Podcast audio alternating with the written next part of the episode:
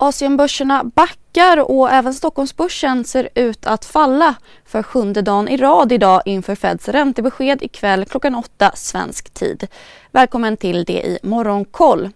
I Asien faller Tokyobörsen och Shenzhen runt 1% Shanghai backar drygt en halv procent medan Hongkongbörsen faller 1,5 procent. Bland bolagen faller biltillverkarna Suzuki, Nissan och Mitsubishi runt 2,5% efter en vinstvarning från amerikanska Ford igår. Och techjätten Tencents avknoppning Tencent Music börjar handlas på Hongkongbörsen idag och handlas runt teckningskursen på 18 Hongkong-dollar. Asiatiska utvecklingsländer utöver Kina väntas nu växa i snabbare takt än Kina och det för första gången på 30 år visar en rapport från den asiatiska utvecklingsbanken. Ländernas BNP spås öka drygt 5% under 2022 och nästa år samtidigt som Kinas väntade tillväxt gruvats ner till lite över 3 i USA stängde samtliga ledande index ner 1 Marknaden har prisat in en räntehöjning på 75 punkter till intervallet mellan 3 och 3,25% idag. Samtidigt tror en av fem analytiker att den amerikanska centralbanken kommer tvingas dra upp räntan med en hel procentenhet.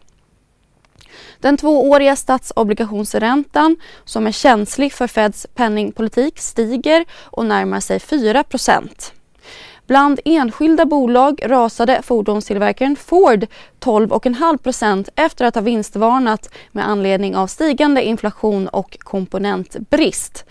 IT-jätten Apple lyfte 1,5% mot strömmen efter att bolaget meddelat om prisökningar i App Store vi är specialister på det vi gör, precis som du.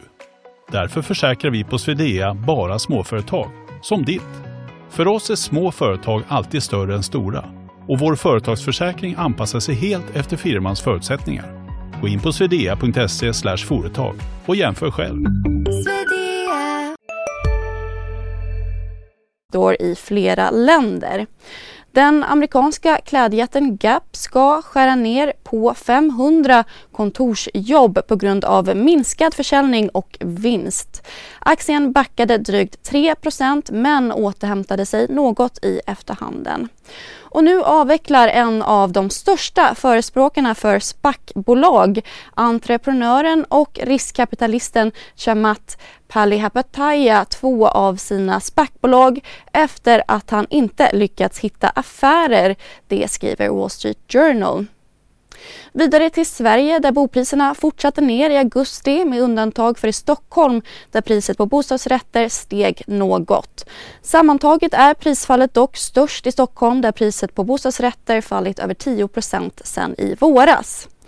Butikshandlarnas framtidstro försämrades i september inför en höst med hög inflation och stigande räntor.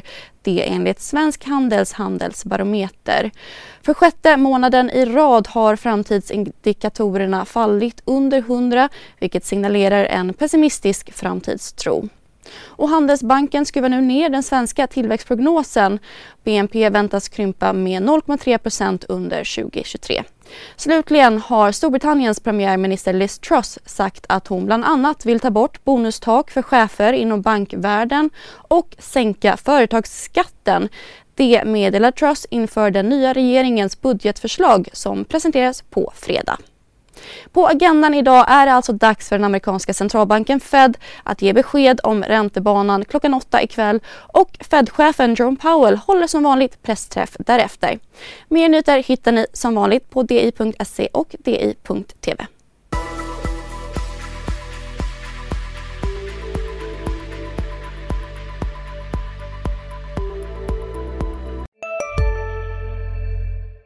CSRD. Ännu en förkortning som väcker känslor hos företagare. Men lugn, våra rådgivare här på PWC har koll på det som din verksamhet berörs av. Från hållbarhetslösningar och nya regelverk till affärsutveckling och ansvarsfulla AI-strategier. Välkommen till PWC. Hej, Synoptik här. Så här års är det extra viktigt att du skyddar dina ögon mot solens skadliga strålar. Därför får du just nu 50% på ett par solglasögon i din styrka när du köper glasögon hos oss på Synoptik. Boka tid och läs mer på synoptik.se. Välkommen!